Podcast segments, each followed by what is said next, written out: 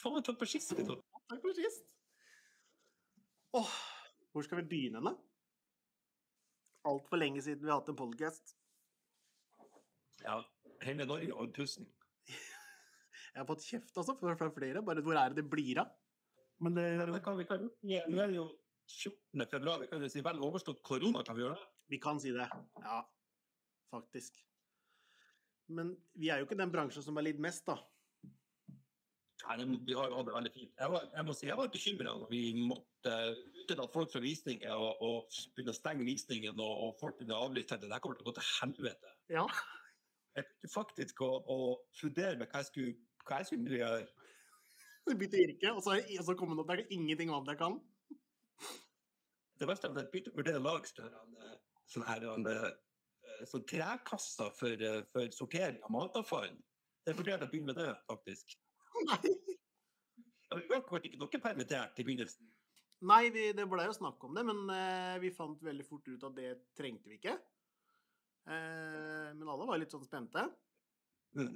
Og det var hjemmekontor et par uker da det var litt rolig. Men vi var i Kristiansand. Mm. Det var etter at pandemien var slått inn litt. Grann. Det var en liten sånn pølse der, var det ikke det? Det skal ikke jeg si sikkert, altså, når jeg har hukommelse som en grevling, da. Men eh, eh, jo, kanskje hadde det starta litt. Jo, det hadde vel det. Jeg tror det. Ja. Men eh, her sitter vi, da. Halvannet år etterpå. Hvordan går det, hvordan går det, hvordan går det med endringa i avhendingslov, Kristoffer? Den er veldig interessant, for nå boligprisene steger sånn ca. 5 nå i januar. Og så, og det verste er at jeg, jeg visste det litt òg. I november så hører takstmennene det er innkjøring og alt sammen. Og så er det altfor lite til salgs i januar. Og så har den loven egentlig Jeg syns den er kjempebra, da. Mm. Eh, Det er liksom Det burde vært sånn fra før, når vi ser det nå.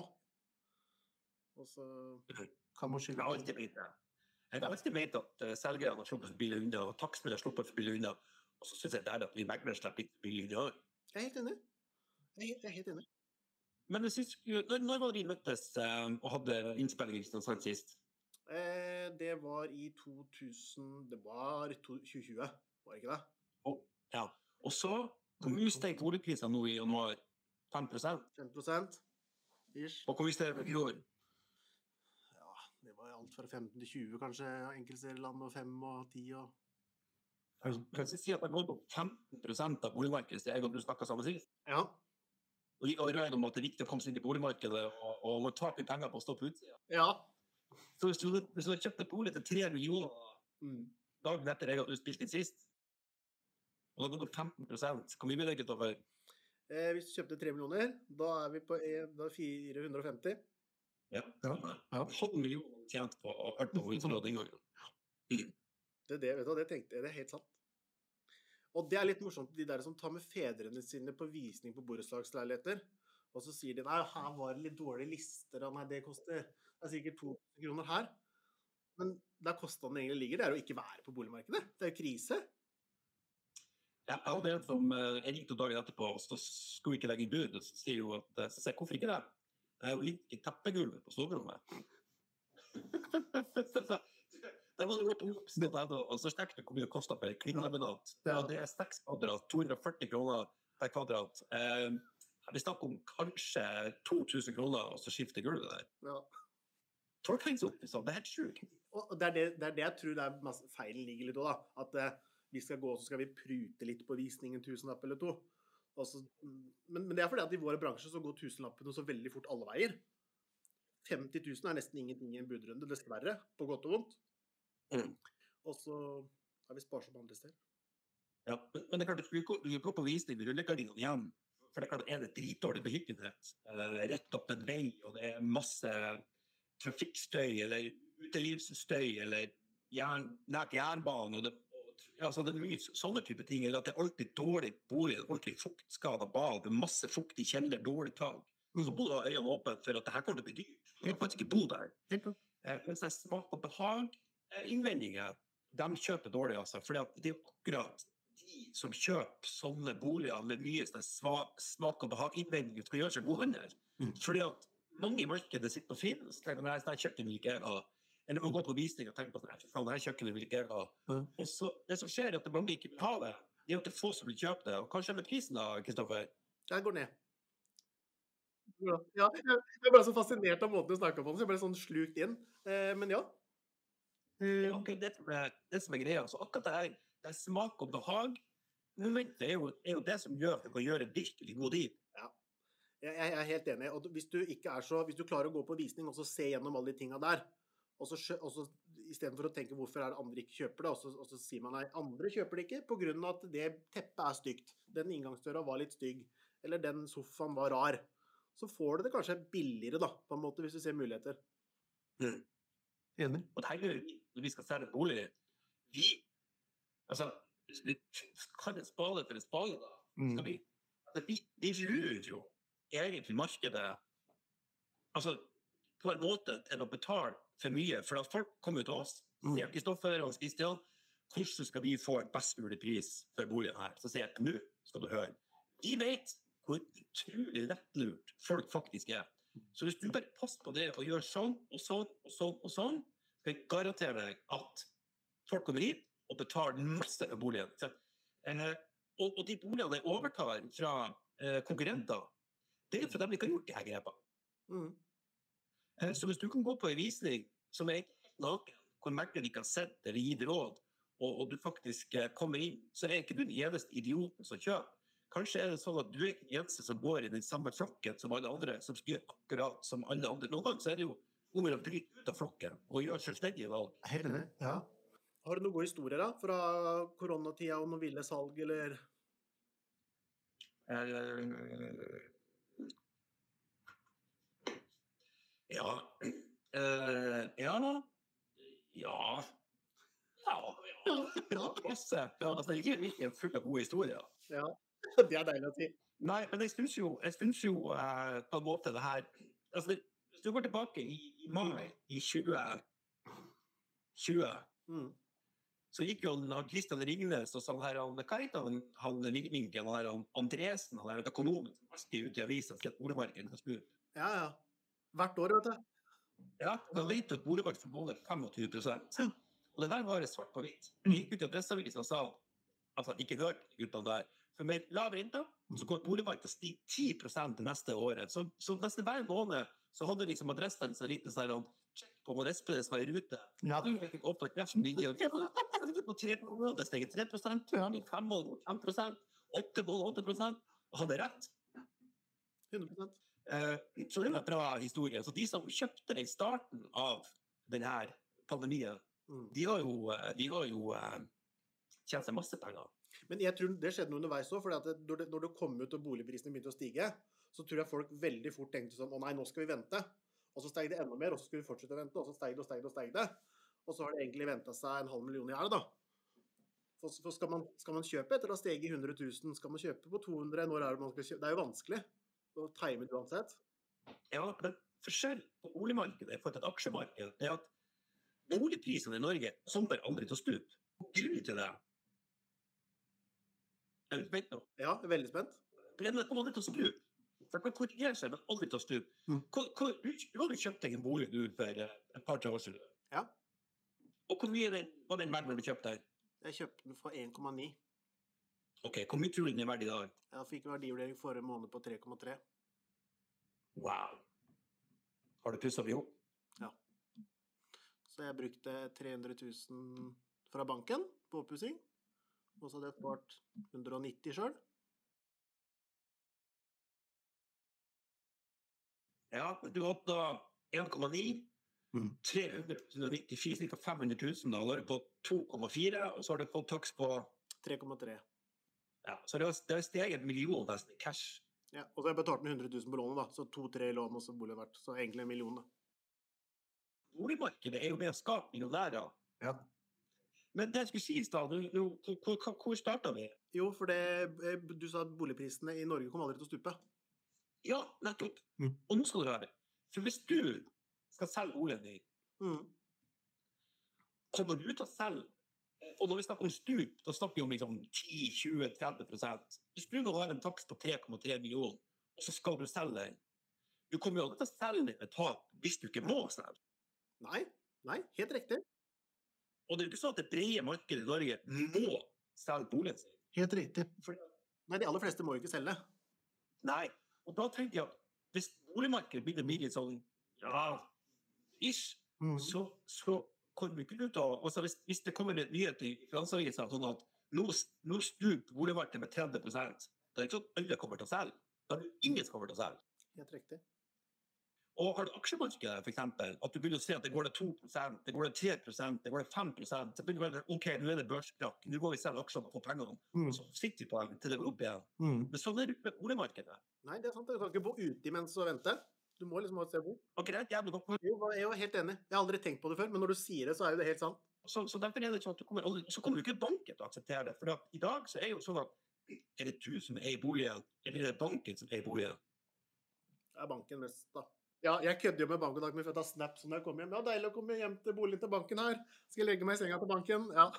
Nei, så, og så er det også sånn at banken her har jo en pant, ikke sant? og de ønsker sikkerhet rundt det her. Så hvis du har kjøpt en bolig til 3 millioner, og den er finansiert et lån på 2,8, så er det ikke sånn at hvis boligprisene stiger til 2,6-2,5, så gir banken og sier nå tror du må selge boligen din til 2,4, for da blir de sittende usikre lån i tillegg. Helt, helt riktig. Så det går jo ikke, for da taper banken igjen. Ja, som kommer til si, du får ikke lov å selge. Mm. På banken til å si. For du får ikke pengene dine. Og hvis du selger og all egenkapitalen er tapt, så har du ikke en krone å kjøpe nytt for heller. Nei. Hvor skal du flytte da? Og da er det leiemarkedet, da. Ja. Ja, men du har ikke noe sted å flytte her. ja, men det er jo ingen som er så dum at de går fra å eie en egen bolig, så vet de egenkapitalen er tapt, og så går de ut i leiemarkedet. Nei, og så kjøper en seinere, etter å ha tapt nedtekter. Nei, det går ikke. Veldig godt poeng. Mm. Det er veldig, veldig bra poeng. At uh, aksjemarkedet Du, du bare komme deg fort ut. ikke sant? I boligmarkedet så er det jo ikke helt sånn. For du har, du har 5, 10 år, 15 år til. Jeg sier det sånn at det, det å kjøpe aksjer er jo en, eh, en risiko, for det at aksjer kan gå opp og ned. Men det å kjøpe seg en bolig er jo ingen risiko, for det at enten så går de opp, eh, masse opp, eller så går de rett frem på, og, og noe mye ned, det har jeg ingen tro på. Så frem til du ikke bor ordentlig på landet, da. Ja, ja, helt riktig. Det er helt sant. Men jeg får ofte høre den her av onkelen min som bor i USA, i Chicago, og veldig sånn på boligmarkedet, har vært eiendomsmegler, og så sier han det at når jeg solgte i 94 i Porsgrunn, i Sykehusveien, det er sånne, kall det litt dårlige blokker egentlig, da tapte jeg 280 000 den gangen. Så den får jeg liksom høre hver gang han kommer hjem da en gang i året fra USA.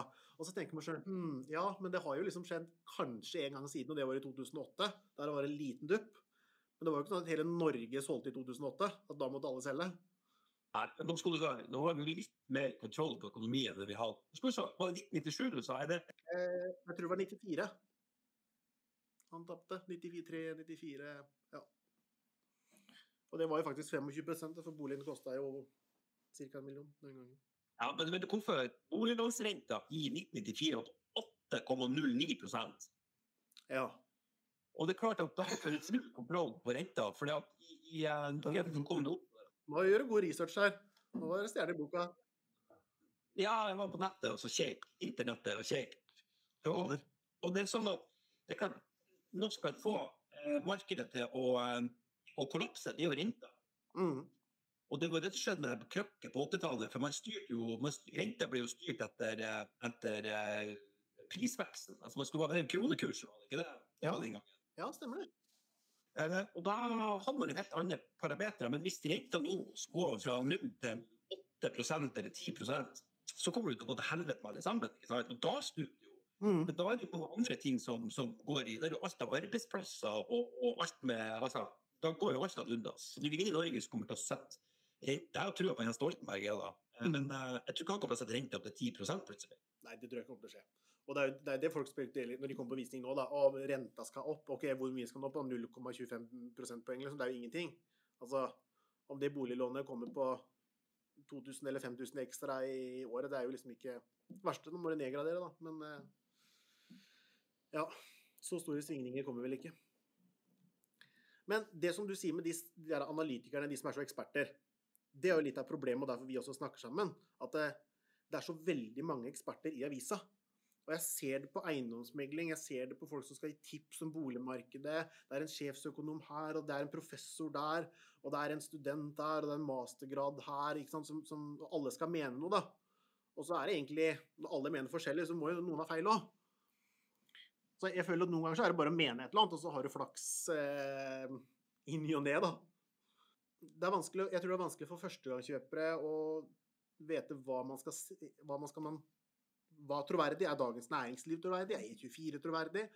Er han med den bakoversleiken i aksjemarkedet troverdig? Hvem skal man høre på, da? Og det tror jeg folk bare på meg. Hør på meg, ja. ja. Hør på han i Trondheim. Ja, men det er jo vanskelig. Og det, det tror jeg liksom, i hvert fall de på min alder og skal kjøpe bolig for første gang og er 23 da. Sliter litt med. Min alder sier at det er snart 30. Men altså, det som skjedde under Bare for å si det som skjedde under finanskrisen, for å ta det, ta det med en gang, da. I 2005 så var renta på 4% Altså, vi tilpasser oss jo det rentenivået vi har, ikke sant? Mm. Og så gikk renta opp til 4,7% og i 2007 var det 6,7 og i 2008 så var renta på 7,3% Så det som skjedde, var at eh, bankene ville ikke låne ut penger, ikke sant? Og hvis du skulle låne penger, så måtte du måtte du betale grunnpris for det.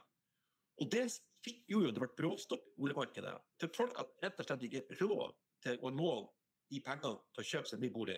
Stemmer. Men de, men de som hadde bolig, hvor renta hadde gått opp fra 4 til nesten 8 altså bolig hadde dobla seg. Nå snakker vi om 0,25 det er jo ingenting. Nei, nei. 8 så er det masse. Og da ble det så dyrt at folk hadde faktisk ikke råd til å betale måte utgiftene. Derfor måtte de selge. Mm. Så under den krisa vi har nå, da, eh, pandemikrisa, så stupte jo renta. Det kompenserte jo for manglende inntekt hos mange, men der fikk du dobbelt opp. Der mistet folk jobbene, og, og det ble problemer i samfunnet. Og så dobla renta seg i tillegg. Og dermed så fikk du utslag at boligprisene steg litt. Så det gikk ned litt i 2008. Ja, Det gikk ned i 2008. Godt opplyst. For å si sånn, I 2008 da var jeg på en eller annen kafé og skata eller herja. Da var jeg ikke så Nei, da tror jeg 2008, da må jeg tenke tilbake. Da satt vi og gama og var ute og surra. Så jeg husker ikke så godt, så det er bra at du er med her, Hans Christian. En gammel island. Ja, må du bidra. skal vi høre på det økonomer, men, men det, det kan jo være at Excel-arket som de sitter med Han var var jo også en klok fyr på, på skrivebordet. Mm. Og, og det å lese av Maos det røde, tenker jeg kanskje det her er smart. Men det er noen parametere i denne Maos eh, betraktning som ikke nødvendigvis holder da- holder mål på en måte i det virkelige livet. Og det kan jo også være sånn at, at de her økonomene også har noen sånne regneark som ikke nødvendigvis viser hvor mye renta påvirker boligprisene, f.eks. Nei. Så oppsummert, vi skal faktisk ha trua på boligmarkedet framover. Jeg har det veldig opp. Jeg, er glad for det. Vi hadde en Når jeg begynte her i Privatpegleren for mange år siden, så sa jeg det liksom at nei, det lønner seg å leie, sa jeg liksom, for da leide jeg liksom sjøl. Og tenkte at det er deilig å slippe alle de utgiftene, og superenkelt, og kan bruke penger på alt mulig annet. Men jeg ser jo nå i etterkant, når jeg kjøpte bolig og hoppa på det, og det var liksom veldig rart den dagen du kjøper og, og får sånn klump i magen, og nå har du ikke lenger 200 000 i studiet, nå er det liksom to millioner i lån til banken, liksom. Det er mye røde tall. Du merker Ja, du har, jeg vet at du har mer, tenker jeg, men syns du det var deals, Altså, vi kjøpte, tenkte du shit, det er mye penger, og hvordan kommer det til å gå?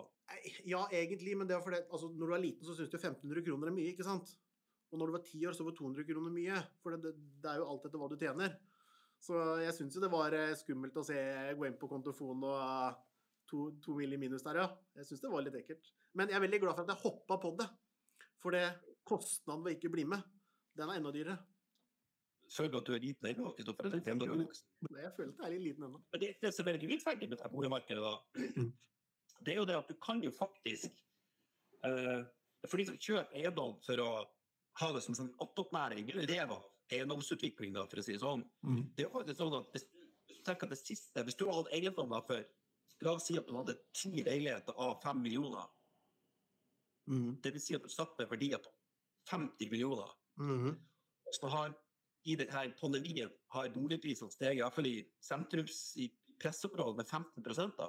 Ja, Da har du faktisk økt forbundet med 7,5 millioner uten å gjøre en dritt. helt riktig. Er ikke det litt eh, urettferdig å tenke på? Men ta Oslo, da, siden du sier til sentrale strøk. Hvis jeg, du går tilbake ti år, folk syns det var dyrt. De syns det var dyrt for fem år siden, de syns det var dyrt for to år siden. De syns det er dyrt nå. Og som en kompis sa til meg, han kjøpte for 2,6 i Oslo for, i 2013. Og det var dyrt den gangen. Men den leiligheten har vært fem nå. Og det tror jeg vi kommer til å si, det tror jeg vi kommer til å si om ti år igjen også, at å herregud, fikk du den for 5,5, liksom? Ja, nå har det vært 7,9. Mm. Så eh, Nei, hopp på.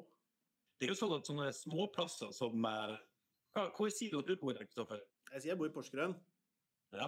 Mm, Er folk i Porsgrunn jobber, om Du bor i Porsgrunn? Ja. Ja, det er Porsgrunn. det er Porsgrunn. Byens beste strøk, eller? Nei, det er det ikke. Såpass selvinnsikt har jeg, da, som megler. Jeg er fra Stridsklev, og hvis du har hørt om Stridsklev i Porsgrunn, det er litt som Gulset i Skien. Det var liksom ikke Det var ikke eliten i samfunnet som bodde der. Det var ikke beslutningstakerne. Men eh, det var veldig fint sted å vokse opp, altså. Men det var litt mer bråk og politifolk enn det skulle vært i andre bydeler. Så, ja. Ja, men det er ikke greit at andre tar beslutninger, da. Liksom ikke Ja. Helt enig. Jeg, kan ikke, jeg er ikke med på Jeg sitter ikke ved roret, jeg. Jeg lener meg tilbake. Du styrer hjemme. Styr hjemme. Ja, jeg tror det kommer til å gå opp. Så synes jeg boligprisen i London, for eksempel Mm. Nå ble jeg på, jeg bare på Google her nå. Eh, Skal vi se om boligprisen lå Ja, nå er spent. 2021. Skal vi se det eh, Vet du hva kvadratmeterprisen i Oslo i snitt er? 70-80, kanskje? 100? Ja. ja. I London er på 157 000 i snitt per kvadrat. 157 000 norske i snitt. Ja. I New York er det på 162. I Tokyo på 284 000. En ned 179. På Monaco der er det faktisk 401 000 i kvadratmeter. Toro for 40 kvadrat i Monaco, så må du 16 millioner. det er deilig pris å betale. Ja. 16 millioner. Det er kjipt, men de aller fleste har jo ikke råd til å kjøpe en kvadrat i løpet av hele sitt liv. Det er kjipt. Det er, ja, det er motbakke. ja. Ja, Kvadratmeter i Oslo er i snitt på 85 000, så du var, du var, du var, du var spot on. Mm. Har fått 70-80. Men det er jo, noen byer har jo selvfølgelig 60-70-80, og så har noen sikkert 100. Ja, og så gjør det at Tjuvholmen er liksom den som er mest fra Der kan det være alt fra 100 til 200, da. Fra nede i kjelleren til ytterst på kanten. Så det kommer jeg veldig an på. Mm. Hva er i Trondheim, da? Mye koster det for en liten kåk der oppe? Sauk og kåka. Nei. ikke peiling. Akkurat der er jeg ikke kjent. Men det var en leilighet på 40 kvadrat. La oss si du betaler 2,5-3 millioner. Ja, du må det, ja. Ja, det må du gjøre. Hvis du vil her i Porsgrunn, så kan du kjøpe en borettslagsleilighet rundt eh, på 42 kvadrat. Da må du ut som en alt fra 1,3 til 1,6. Da får du noe OK. Da er det kanskje 200 000 i fellesgjeld, da. Og 4000-6000 i måneden i fellesutgifter. Så det er jo det er veldig forskjell. Porsgrunn er jo billig og billigere. Mm. Det kan forstå de som skal inn i boligmarkedet første gang. Da burde det vært, eh, burde vært høyere kapitalkrav til de som har mye fra før, når de skal kjøpe seg sin sekundærbolig og, og tredje, og fjerde og tiende bolig. Og så har heller vært litt mer løssluppet på de her som skal kjøpe sin første bolig. For at, jeg skrur av telefonen. For at, hvis du skal kjøpe din første bolig, da, når vi møttes sist til 3 millioner, så måtte du ha 450, nei, måtte du ha 300 000. Det er 15 dyrere. Du måtte ha 450 000. Og hvis du ikke hadde det, så må du jo spare. Men du kommer jo alltid på hælene. For når boligprisene stiger med 15 så må du faktisk ha Helt rett. du må ha mer. Da må du med, da. Men du må ha mer, du kommer aldri inn i det. Aldri. Og den der er jo veldig urettferdig. For det åssen skal en eh, Og det, det her er jo liksom clouet, da. Vet du hvor mye jeg sparte i egenkapital? Si det. Null. Faktisk. Hva Så, trikset? ja, og hva er triks? Og det er ingen som skjønner, for de tror at den 5% Nei, 5% egenkapital og 5% lønn og sånn stemmer. Og det gjør den jo, men bankene har noen unntak. Så hver, jeg tror det er hver tre måneder eller sånt, så sitter banken og så sier de, ok, vet du hva, vi har litt grann igjen å gå på på det som heter avvik. Og det gjorde jeg bort til banken her. Ja, men det, du, mye har du spart opp? Og så sier jeg nei, jeg har, har 70 000 på BSU. Ja, de kan bare beholde sånn. Vi tar alt sammen på avvik. 350 000 var det sånn cirka på avvik. Så gikk jeg inn på, kjøpte boligen for 1,9. Da kom han på 1,970 med dokumentavgift, og så spurte om han kunne betale omkostningene, dvs. Si til, til oppgjør og alt sammen. Så det kom på sånn rett under to millioner. Så jeg hadde belånt til boligen med langt over 100% Og jeg burde egentlig sitte og spart nå. Jeg burde sitte en dag i dag og egentlig kjøpt meg bolig nå, men jeg slapp det, for han sa bare vi tar det på avvik. Og hvor mye, og hvor mye har du tjent på det avviket? Det har jeg jo da, hvis vi tar, går tilbake til regnestykket, så er det ca. en million. Og da gjør det ikke noe om jeg betaler litt mer i rente per år til han, altså. Det går fint. Men du, Mm. eh, og det er klart, hvis du har god utdannelse og gode karakterer, og du er på vei i retning, ikke sant? du har en bachelor eller master eller tar en utdannelse hvor du har sikra jobb, Mm. eh, så ser man litt stort på det. Da ser man det, OK, du, kom, du, har, du har ikke kunnet spart, for du tar en dyr uh, utdannelse. Du har, du har ikke begynt å tjene så godt ennå, men hvis vi har, vi har trua på deg. Ikke sant? Helt riktig. Det er det banken sier òg. Ja, ikke sant? Mm. Men så er det mange i Norge som, som ikke har den balansen. Ikke sant? Det kan jo være ei som fikk barn på 20 år, akkurat hun skulle begynne på sykepleierstudiet. Og dermed så måtte hun ta til takke med takke med fantastiske kasser på, på, på, på Rema. Bevare meg vel. De gjør en livsviktig jobb. Poenget mitt var at du hadde tenkt å ta en utdannelse, men du måtte eh, heller velge en, en jobb for å få det her til å gå rundt for, for deg og, og det bedre. Ja, der og da så måtte man det, ja. Mm. Ja, eller du kunne ha medisinske årsaker. At du var du har plager med ryggen eller fot, og du er ufør, f.eks. Eh, eller kanskje man ikke hadde foreldre som var så opptatt av å fortelle at du skulle gå på skole eh, osv. Så, videre. så det kan være mange grunner til at man er 25 år, eh, lei, har dårlig inntekt, eh, men har lyst til å ha et sted å bo. Mm. For dem er det dramatisk, for de kommer aldri over den terskelen da. Nei. å kjøpe sin egen bolig. Nei. Og hvis du kan kjøpe det, du betaler 12 eller 14 000 i måneden for å leie, og så kunne du faktisk kjøpt en bolig og betalt akkurat det samme, Mm. så kunne du vært med på den reisen da, hvor vi faktisk har prisveksten og en del av det her samfunnet. Mm. Og det klasseskillet der er jeg, er veldig opptatt av, for det, det skaper et enormt klasseskille. Et urettferdig. Det gjør det. Jeg er helt, jeg er helt enig med deg. Helt enig. Og jeg ser det på visninger og alt sammen. Og så er det jo da, da kommer spørsmålet hvordan skal man få, få en løsning på det? Hvordan skal man løse den kabalen der? Jo, jo, det skal jeg si deg. For det at man, hvis man i større grad hadde hatt mulighet til eh, å, å ha null kroner egenkapital eh, til en gitt type sårbare kjøpere, Mm. og så hadde man vært mye strengere på egenkapitalskravet til de som allerede har nok. Altså de som han, han snakket om som stakkars, at han ikke kunne kjøpe et sekundærbolig. Vel, jeg er ikke så sikker på at hun som leier en sokkerlighet, og som aldri kommer seg inn i boligmarkedet, syns det er veldig synd jo. Nei. Eller han. Nei, ikke jeg heller for så vidt, så det er jo greit det. Syns ikke så synd på. Ja, og, og det tenker jeg at hvis man tar og øker for grunnen til at man har egenkapitalkrav, og det her med fem ganger inntekt, det er for å dempe utviklinga i boligmarkedet Det var jo en av de tingene. altså Boliglånsforskriften var at de utviklinga. Mm. Eh, Men det som skjer, er at de som har mye penger og prisvekst er stor, de får jo større egenkapital. Ikke med at de sparer mer, men per- I økninga. Det blir verdt mer. Mm. og da kan de hele tida ta sikkerhet i forrige bolig Helt og andre boliger. Så de kan hele tida kjøpe mer og mer og mer. Og de er med på en måte å tvinge folk til å leie, da. For de som, som er dem deres, det er jo dem som ikke har råd til å kjøpe. Ikke sant? Det er det. Det er, og, og, det er helt sant. Med mindre det er studenter, da, for da er det naturlig at den leier, ikke sant? Den, den biten der. Men eh, litt av egenkapitalen, som du sa, da, at bankene vil ha den at du skal spare opp. Jeg trodde jo først og fremst at det var for at de skulle ha en liten sikkerhet, da. Så hvis du kjøper Det er jo det òg.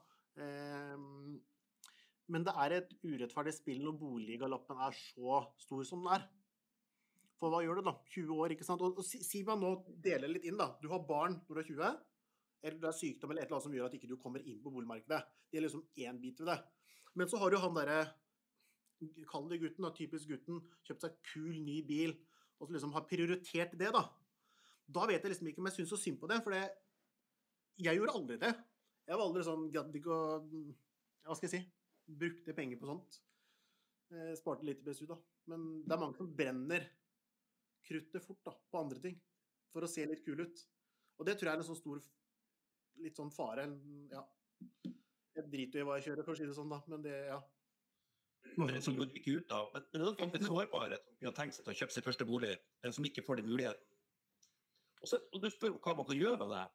Altså, nå er det jo sånn at det er jo diskusjon rundt formuesskatten for tida. Vi lærer de å flytte til Sveits og gode greier. ja, den er fin. Ja, og den diskusjonen det kan vi jo ta hvis du vil, da, og man kan jo synes hva man vil om det, men, men når det gjelder eiendom, betaler man ikke reell formuesskatt. Fordi at det er ligningsverdien som ligger til grunn for formuen. Så hvis du har eiendom til fem millioner, så har du egentlig bare en formue på to millioner, en og en halv million, eller hva det er, i forhold til de beregningene som gjøres. Mm. Og de som har mye eiendom, de burde jo ha betalt formuesskatt på, på den reelle markedsverdien på boligen sin. Mm. Helt enig. Ja, jeg, jeg, jeg, jeg har ikke sånn stor formening om det. Jeg har hørt han der i, i avisa. Han Hegnar går liksom ut og snakker om det. Syns han er veldig flink og, og ja, resonnerer seg veldig bra rundt det. Men den der syns jeg er veldig knotete. Jeg har ikke tatt en kamp og brukt mye tid på den. Men det er jo mye penger i formuesskatt òg, da. Så flytter de alle pengene til Sveits, da, eksempel. Og så kan du la de jobbe her hjemme og skape arbeidsplasser. Det er vanskelig. Hva mener du? Å, nei, jeg, synes jo at spesielt på det her, altså når det gjelder på det her arbeidende kapital, når man snakker om at man må ta pengene ut av selskapet for å betale skatt, er ved å, å, svekke eh, konkurranseevnen til, til, eh, til de bedriftene man da har, kanskje. Mm. Og så er det noe med at har det noe å si at jeg har forbarska de penger, da? Altså, du kan jo spise mett på en gang, tenker jeg. Hvis det er sånn at du går på dyre restauranter og spiser mat, ja, men da er du et innehaver av de restaurantene, får de penger. Mhm. Eh, da får du betale fire millioner for å ofre kaviar og, og, og, og snegle og hva, hva det skulle være. Men det sitter jo en kokk der og en servitør og en huseier som får pengene. sånn at det er jo en sånn omfordeling av det. Mm. Jeg syns at de som har pengene, skal betale mer i skatt. Bevare meg det. Ja, ja. Så at den diskusjonen er litt, sånn- litt kinkig. Eh, jeg jeg syns det. Og, og, og hvis man flytter sveis, hvis motivasjonen er at man skal spare seg noen kroner til nullskatt, ja, da håper jeg ikke du flytter hit når du er 70 og skal på sykehjem. Altså, for at, eh, da tenker jeg at eh, du må betale. Den, den er god. Ja, den er fin. Ja. Ja. Nei, det er, det er jo når, når, du, hvis, når det er et problem at du må betale formuesskatt, da har du på en måte for mye utgangspunkt, tenker jeg da. Det er et luksusproblem, altså. Nå dreier det, nå- dreier det her litt- Det som er poenget mitt i stad, var at hvis du snakker om hva man kan gjøre i det boligmarkedet, så mener jeg at man kan skape re, altså, eh, en reell verdifastsetting av boligforbudet. Yes, det var der vi var. Flere av de her eiendomsmilliardærene Mm. de må betale mer formuesskatt fordi at eiendommen deres er, er, er høyere verdt enn ligningsverdien sin. Men igjen, altså, er, er en, og det var noen som sa til meg, det er et godt eksempel, er en menneskerett å ha en leilighet i Oslo også? Er det Nei, jeg har jo mange kompiser da, som, må bekjente som bare Nei, jeg har lyst til å bo i Oslo. Så sier jeg, men det er ikke liksom gitt at du har rett til. Da må du altså liksom Å, nei, nå må jeg måtte bo et kvart Jeg måtte bo på, vet dere, den skogen. Lørenskog, liksom. Ja, OK, sorry. Det var synd, liksom. At du måtte kjøre ti minutter til jobb. Jeg, liksom, jeg vet ikke om jeg syns synd på det. Nei. Men en løsning på den der 20-åringen din, bare for å ta den Jeg tror feilen ligger i at noen sikter litt for høyt også. Så si du får et boliglån, da, og så blir du litt misfornøyd. At du faktisk må kalle det nøye deg med, med å begynne med en vanlig leilighet. da. De fleste gjør jo det. Og så får du kanskje kjæreste etterpå, så selger du leiligheten, og så tjener begge litt, og så er det egenkapital til et stort hus igjen. Og så kanskje de bygger nytt igjen når de er 40, og så har spart enda litt mer. Så jeg tenker at du må bare starte et sted. Du kan liksom ikke starte på dyreste og fineste huset. Nei, og det, du har jo en, bolig til 1,9 millioner du kjøper to år tilbake. Og jeg nekter å tro, særlig Porsgrunn, at det var den feiteste kvarken. Jeg tenker at du tok det til takke med noe for å komme deg inn i markedet. Ja, den var ikke feit. Det var bare å pusse opp. Du ville ikke gå inn der engang. Nei. Og det er sånn at hvis du sitter og ser på alt i utvalget, se hva drømmer du om, Kristoffer? Så må liksom ikke den, du har ubegrensede penger, så da hadde du endt opp med noe annet, sannsynligvis. Jeg hadde selvfølgelig valgt noe annet, men det hadde jo alle òg.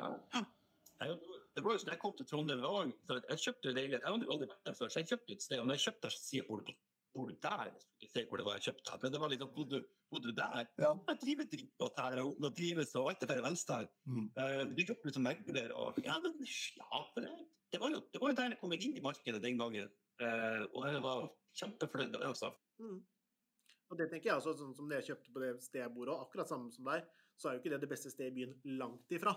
Men, men det er hjem, og du har vokst opp der, og boligprisen er greie, og ja.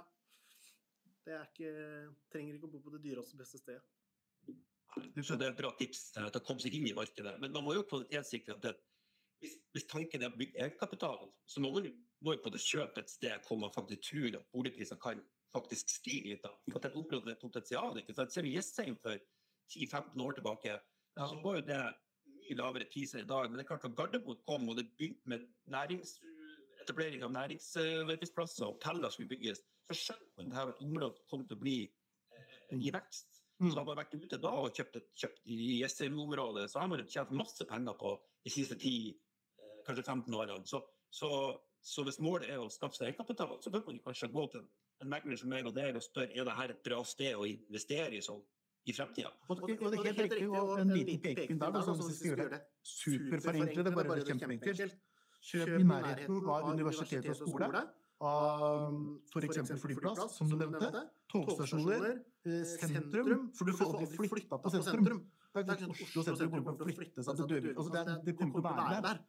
Der det ligger. Så du tenker med det når du kjøper, hva er det Er det nærhet til noe som ikke driver an å flytte? Eksempel et universitet. Eller en stor arbeidsplass, eller Hydro her i Porsgrunn, som er kjempestore og har vært i alle år. Vi har det nå, da. Du får ikke flytta det anlegget der. En meter. Ja, veldig godt poeng. Så, eller så kan du gjøre det, sånn som du sier. Kjøre Nå skal jeg ta et eksempel her i hjembyen. da. Jeg så en bolig som lå langs vannet, i Treungen, oppe i Nissedal. Da er vi liksom rett etter Gautfall, og så kommer Gautfall, og så kommer Treungen. Jeg vet ikke om det allerede er sånn Nei, nei, det er ikke det. Det er Midt-Telemark. Jeg bare går til Nisseungen og Trønd. Gautefall. Gautefall og Rauland er liksom eh, de to kalde fjellene her, da. Om. Ja. Og så var det en bolig som lå langs vannet der, og det er jo ikke noe, det er ikke noe populært sted. Det bor åtte personer sikkert i Treungen. Han derre ene fra, i privatmegleren er jo derfra, som på Ja, det husker jeg ikke navnet på han. Lars Jakob. Og, og så Der er det en, en eiendom langs vannet, og så har jeg tenkt sånn hva, Hvor billig kan du få det ved å bo langs vannet? Uansett hvor det er, om det er en innsjø eller elv, eller om det er liksom hav, eller hva enn det er for noe. 1,6 gikk den for, altså. Og da har, du, da har du vannet 14 meter fra stua. Og ja, det er treungen, og det er aldri varmere enn 15 grader. Men det er jæsklig fint om sommeren. Men begynn med noe sånt nå, da. Hvis den er ung. Kanskje ikke kjøp noe som er litt lenger unna. Og så, ok, kanskje ikke du får sinnssykt mye verdiøkning, men du betaler i hvert fall ikke 14 000 i måneden på, på leie, da. Og så må du glemme at det å, det å tjene penger på bolig, det var jo ikke sånn det var tenkt en dag. Eh, man skulle jo bygge seg bolig for å ha et sted å bo, ikke sant? Mm. Og, det treungen på et av denne plassen. Treungen, ja. ja. Ja. Ja. Eh, så kan det være dødsfint å bo med tre unger Du betaler 1,6 millioner for å bo der resten av livet på et fantastisk idyllisk sted med lite naboer. Du, kan, eh, du, kan, eh, du har liksom vannet du kan tutre og svømme og, og dyppe tærne i hver morgen. Utstyra, så kan jo det være helt nydelig, selv om prisen er 1,4 millioner om 30 år. Men du har jo, du har jo fått eh, Du har berika livet ditt med et Mm. fantastisk sted å bo. Så alt betyr jo ikke Alt har jo ikke med profitt å gjøre. Det er, et det er godt, eh, godt poeng, at, eh, men det har jo blitt en sånn sparing å tjene penger, da, boligmarkedet. For mange. Ja. Har du noen sinnssykt gode salg du har hatt de siste to årene nå? Som du bare finner Den der! Den klikka Ja, altså det gøyeste synes jeg da, det var jo en, en eiendom som jeg overtok fra et, eh, en annen megler, og det synes jeg alltid er så gøy. Jeg er litt selektiv på oppdragene. Eh, fordi at eh, jeg orker ikke å bruke masse tid på ting med lite butikker og, og masse styr med. Men det var en, eh, en eiendom jeg overtok fra en, eh, et konkurrent, og vi snakket litt om det hva man gjør innledningsvis for å, å, å føle seg, vet du. Føle har så mye å si i forhold til boligkjøp. Mm. Og det å appellere til kjøpers følelser i forbindelse med prestasjonssalg, det er bare noen som overhodet ikke har tatt den eh, tatt det på alvor. da. De har ikke skjønt hva markedet vil ha. Og jeg kom inn i boligen, det var en fantastisk bolig med masse utsikt, og alt av bilder av en innover. Så det var, det var knapt nok synlig, det her utsiktsmomentet. Mm. Eh, så vi fikk liksom snudd opp ned på alt, flytta møbler rundt og, og gjorde en masse grep med boligen. Ikke noen kostnadsmessige grep, men mer eh, forberedte grep. da. Og det var utrolig artig, for han som kjøpte den, Mm. han hadde vært på visning første gangen. Han fant det ikke interessant. Og han hadde bygd på den langt under den prisen som var satt. Men i budrut så strakk han seg mange mange hundre tusen mer. For det er konkurranse, vet du. Da, da fikk han bekreftelsen i markedet som de andre ikke ville gi ham. Mm. Og den der er, kjem, den der er kjempekjip. Den der, for det, tenk, det er så mange som Hvis jeg, vi har en visning nå, da, så er det tre stykker på visning. Og så er det en som sier vet du hva, vi har tenkt å, vi har lyst til å by, men vi, vi gidder ikke å by aleine. Fair nok. Og så er det to stykker som ikke er interessert. Og så går en uke eller to. Og så bang, så kommer det en til. Og så blir det konkurranse. Og så er det 200 000-300 000 rett opp. Og da kan du sitte der etterpåklok og så søren, jeg kunne fått den til prisantydning. Men, men det, det vet du aldri, da. Så det er liksom den derre mm, avveininga. Men noen ganger så kan det være klokt å faktisk by mot seg sjøl. Ja, du må gjøre egne valg. For ja. markedet er jo deg sjøl. Ja, det er akkurat det. Markedet er deg sjøl. Så hvis vi har to ting enige om hvis jeg bor priser til la oss si fire millioner, mm. så går du dit, så tenker du ja, nei, men jeg kjøper det for fire millioner. Det kan være altfor mye. For det kan jo være at resten av markedet vil være betalt 3,5 Så du må ikke glemme prisantydninga. Gjør en selvstendig, selvstendig vurdering av hva det her objektet er verdt. Ja, det er helt enig. Ja, og noen ganger så kan det jo være ene at boligen er prisa for høyt. Og det er faktisk prisa for høyt. Ja. Men så kan det være rett og slett at presentasjon og omstendighetene og timing er så dårlig. Det kan være rotete og litt skitete, og det er dårlige farger på veggen. Mm. Litt stygg benkeplate og litt rotete gårdsplass. Det man ikke flytte opp i hagen. Så tenk på, Det er sikkert en rask bolig. Men det er ikke en rask bolig. Man får få bort raske. Eh, og da er det plutselig en fantastisk bolig. Helt enig. Jeg har en veldig god en. Ja, jeg har hatt en i, som jeg bare syns var helt den, den, var vill. Og jeg, den sier noe om hvordan jeg kan bomme som megler òg. Så nå er vi på en hytte nesten i Valle. Det er rett etter Kragerø, så du har Kragerø og Valle. Og så lå den hytta på noe som het Såsteinsundet. Og han selgeren Det var litt moro, for han, han har ringt og fulgt opp mellom mange år. Og han er broren til bestevenninna til mammaen min. Og så valgte han andre meglere, og så ble jeg liksom åh, søren på det, på det rekkehusleiligheten han hadde.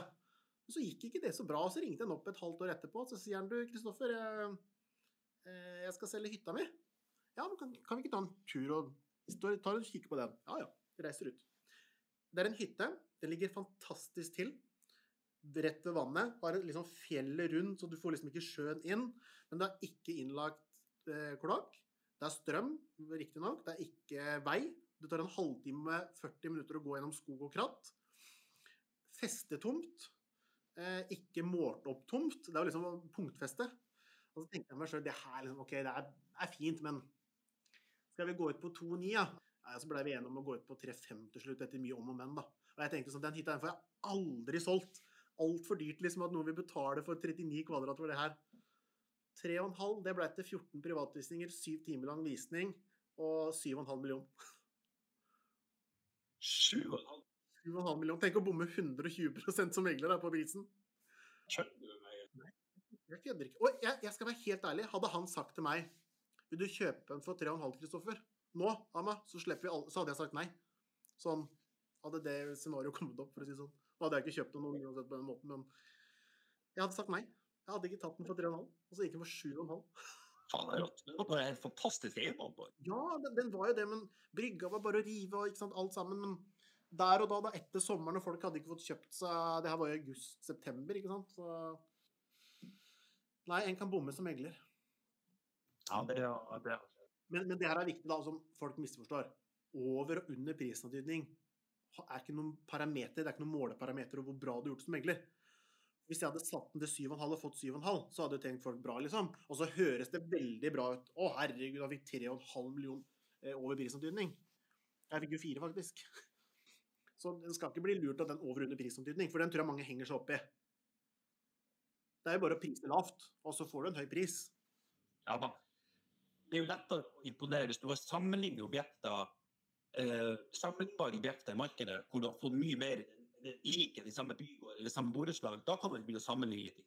Ja, men det ser ikke folk i avisa. Hvis det kommer et avisoppslag, og herregud, den er ikke langt over, så er det ikke sånn at det er dette sammenlignende eiendommer, og så skal du begynne å trekke pluss og minus for bad og parkett og ny peis, ikke sant? Så det, det er sånn jeg tenker, Når jeg ser en bolig for 2 millioner priser, tenker jeg wow, jeg er flink. Ja. Er to millioner tenker på. Herregud, du dårlig drit. Ja, jeg er så dårlig det er til å prise. Men det er jo sånn det, det er et stykke billig gang. Jeg kom på 30 sånn at da tenker jeg faen, jeg er sprek. To andre da vært ofre alt. Kan få tapere. Ja, ja, ja. ja for tapere. Nei, men jeg er eh, Og det tror jeg ikke folk tenker, men det å bomme på pris er jo ikke bra. Sånn i utgangspunktet. Nei, du kan ikke vite det, men, men vi bruker det som et skrytemiddel. Ikke sant? Jeg fikk en million over, og så rekker vi opp hånden og så tenker folk at du er jævla god. Men hvis du priser to millioner under prisantydning, så den reelle verdien, da, så er du ikke så god likevel. Nei da. Er du, du skrytete, Kristoffer? Jeg er jo sånn som du sier, da, at får du en god pris, så liker du selvfølgelig å fronte det. Eh, og, og, for å si det sånn, de, hvis noen, var det noen som sa det at å herregud, dere prisa den veldig lavt da, i budrunden, så var det en som sa det, en av de som var med. Så sier jeg, men husk at det var, det, jobben ble ti ganger vanskeligere. For det, for det første så må du ut 14 ganger i båt. Lørdag, søndag, dag til morgen. Så vi skyter oss sjøl noe jævlig i foten. Det hadde vært lettere å bare satt opp visninga én visning, kommer tre stykker, og så får de by seks, seks og en halv, syv, syv og en halv. Det hadde vært mye lettere. Men du vet aldri hvem som er villig til å gi mest når du flyr fram og tilbake og inn og ut i båt og regnfrakk og lunsj og ja. Det er ikke mye Kristoffer. Det er veldig mye artig. Du går et bad, og du, du strekker jo langt for å Ja, jeg kan det. Ja. Det er litt kleint noen ganger, da. Du må jo det. Du er flink. Bra start på nyåret. Ja, det vil jeg si. Men vi solgte så jækla mye. Litt, litt sånn treg. Eh, ikke markedet, alt selges jo. Men vi er tregt å få ut boligene da. Men, eh, jeg har hørt på det lenge at det, det skulle gå. Jeg har også hatt en treig treig Janne, men ikke bekymra, for jeg har flytt på så mange avtaler at det hjelper. Det kommer en sånn ketsjup-effekt nå, tenker jeg. I Ja. mars-april. Ja. Jeg har ikke så mye banken heller, så jeg skulle gjerne hatt noen flere oppdrag nå, så jeg får være litt sånn på, på tilbudet. Da kan vi si det til lytterne. Hvis dere skal selge, så har Hans Christian jæskla god tid til dere, faktisk. Ja, for nå har jeg litt god tid. Jeg er litt, litt høy og mørk, for at jeg har ikke hatt så stor tilgang i fjor. Mm. De sier nei til det meste. Eh, Men det kan få meg litt igjen og litt roligere. Så har jeg litt dyre boliger som tar litt tid å selge. Mm. Eh, Så det blir butikk når det selges, men det må jo selges først. Og har du, har du bolig i Trondheim, så er det bare å ringe, altså. Så kommer jeg og del av min store kunnskapsbank. Det er bra, det. Bra, det. Ja, men det er bra. Skal vi komme med noen gode tips neste gang vi har fått kverna hunden vår, da? Ja, men kan ikke Er det ikke folk som lurer ikke på noe? Jo, øy, det hadde jeg faktisk. Jo, jo. Jeg hadde noen spørsmål. Det er faktisk sant. Eh, skal vi se. Hadde du noen spørsmål? Eller hadde noen Ja, jeg har fått noen spørsmål, faktisk. Her, skal vi se her. Utenom noe sånn der hvordan å markedet, for det er hjelp. Um, her fant jeg faktisk et spørsmål. Hei, hvis det er greit jeg spør, hva burde man gjøre når man sliter med å selge? Fikk jeg blant annet. Den er veldig rund, da. Hva, hva burde jeg gjøre hvis jeg sliter med å selge? Nei, det tenker jeg det første er jo kanskje prøve å, å Jeg får ofte den henvendelsen. Eh, Det ene er jo at er du fornøyd med megleren? Har han en plan? Mm. Så må megleren ha en pakke. Vi har sånn markedspakke, vi har sånn pakke med det og pakke med det. Men har du en plan? Det lurer jeg på. Hvor er markedsplanen? Hva er steget videre? Hva er tilbakemeldinger fra kundene? Hvorfor kommer det ikke folk? Uh, og det er veldig kombinert mellom hvordan boligen er presentert, ofte meglers kunnskap, men pris på objektet. Mm. Og, og eh, jeg har jo altså, masse eksempler. Søstera mi bodde jo i, i, eh, i Stavern og fikk ikke solgt. Nei. Og så prøvde jeg å tenke jeg skal ikke blande meg. Jeg skal ikke blande meg, og har ikke lyst til å blande meg, og aner ikke. Ja. Og så ringte hun, og så kom det ikke noe folk på visning. Så sa jeg jeg vet jo hvorfor. Og så forklarte jeg hvorfor. Um, og det var en elendig presentasjon. Ba om å ta nye bilder. Helt annet fokus på det. Mm. Men jeg var fullstendig uenig i Mm. alt jeg sa. Men det fikk ikke solgt. Tok han markedet, hørte på det jeg sa, gikk ut, solgte med en gang. Mm. Så det å faktisk få noen nye øyne på merket internt i foretaket eh, Hva er prisen? Mm. Eh, for noen selgere går ut og så kommer vi hjem til at ja, hvis vi får fire millioner, så skal vi selge.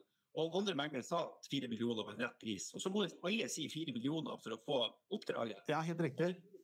Ja, så er det ingen som kommer på visning. Og så er det sånn, er det for dyrt? Nei, det er ikke for dyrt, for alle meglerne har sagt fire millioner. Mm. Ja, men det er ikke meglerne som har kjøpt huset ditt. Altså, de, de skal ut og snakke markedet.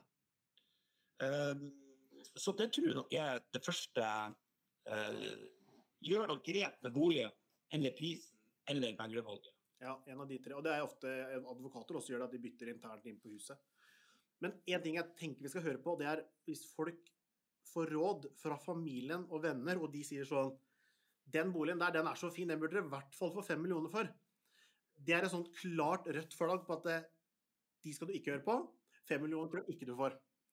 Og de kommer ikke til å kjøpe for fem millioner sjøl. Om det er broren din eller søskenen eller tremenning eller gamle eksen din eller hva enn det er. Så jeg had, se det med et litt sånn objektivt øye at eh, hva boligen har vært. Ikke hør på bestekompisene, din, for de vil det har gått uansett. Ja, og så finn sammenlignbare boliger. Ikke, ikke bare se på de boligene som har gått eh, høyere. For det, må, det, kan være en grunn til det òg. Du, liksom, du må balansere hele markedet. Liksom. Mm. Hva er, hva er prisantydningen fundamentert i? Men der, der er folk dårlige. Liksom, man, man sammenligner seg alltid med den dyreste nabolaget. Og, og, så jekker man, har jeg i hvert fall opplevd, da, at det kommer jeg til noen OK, hva tror dere boligen har vært? Den er fire og en halv.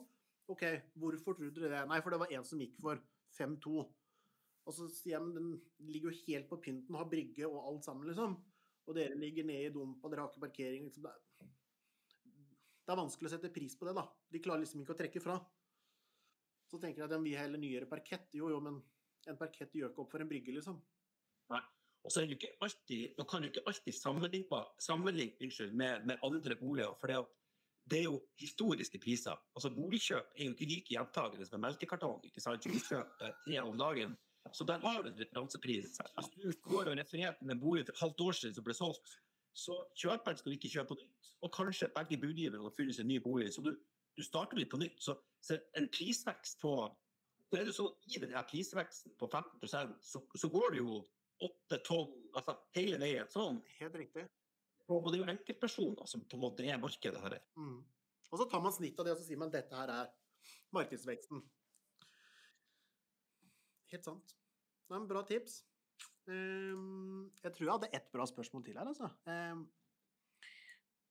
Halla, jeg sitter og vurderer å studere eiendomsmegling. Står mellom to og tre valg. Hvordan er det å jobbe som eiendomsmegler? Er det 200% jobbing? Er det vanskelig å få oppdrag? Er det psykisk krevende? Tjener man greit? 200% jobbing, er det det? En gang til. 1 på nytt. Det er en som skulle studere. Lurte på om det sto mellom to og tre studieretninger, og eiendomsmegling var en av de. Eh, hvordan er det å jobbe som eiendomsmegler? Er det 200% jobbing? Er det vanskelig å få oppdrag? Er det psykisk krevende? Vanskelig å få oppdrag er jo i starten, det kan vi jo si. Psykisk krevende, det vil jeg i hvert fall si, for du bærer et ansvar på skuldrene dine for enhver selger. Føler i hvert fall jeg på. 200% ehm, jobbing Det er ikke 200 jobbing, men jeg tror det er i hvert fall 200% tilgjengelighet.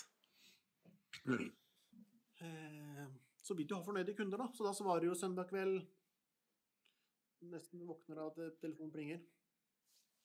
Ja, altså Hvis du har skjøre nerver så tror jeg ikke det er en jobb. For du er jo Det er jo aldri sånn at alt er helt sånn greit. Det er jo enten krisebite, eller så er det jo krisebite. Kjenner på det? Liksom. Ja, ja. At du liksom, faen, alt og det er liksom tusen telefoner ringer, og du er liksom helt på hælene. Eller så er det sånn faen, var er altfor lite å høre på meg. Ja. Så uh, Det jeg de fleste meglere, for det går i bølgedaler sånn. Jeg, jeg, tror jeg den jeg tror hvis en ikke vet om en har lyst til å bli eiendomsmegler eller ikke, da skal en ikke bli eiendomsmegler. Det er helt sant. Hvis du må stille spørsmålet, så tror jeg du skal ikke bli eiendomsmegler. Det tror jeg må kjenne litt på. Jeg bare så fra skolen at det var mange som datta. Både når jeg gikk på BI og når jeg gikk opp i Telemark. Du begynner, Det kommer 120 stykker til første forelesning, og så er det 90, og etter tre uker så sitter du med 13 stykker, og så er det fem som går ut, liksom. Så den trakta blir jo veldig mye mindre. Så konkurransen sitter og eiendomspenger er noe nytt, og, og bor i en by hvor det er selvfølgelig stor tilgang på boliger, så, så, kan det være en idé å, å kanskje flytte et litt mindre tettsted òg. For det kan ikke snakke ingen forskning å snakke om enda mindre tettsted, mm. for det kan være litt mindre konkurranse der. Mm. Ja, på døra. Ja. Nei, no, det var rørlegger som hadde glemt et varemaskin. Å oh, ja. ja. Nei, bra oppsummert. Var det ikke det? Bra episode. Neste, neste gang vi skal snakke sammen, så har jeg lyst til at vi snakker litt om uh, bud. Taktikkeri. Jeg har lyst til å, å, å komme med noen uh, veldig tidsriktige og smarte budråd mm. til kjøper. Mm. Og det kommer til å irritere mm, livet av megleren som megleren skal selge. Men det er bare. Hva tenker du? Det gleder jeg meg til. Mm. Sånn ordentlig sånn at noen bare river og sier La honest finesse.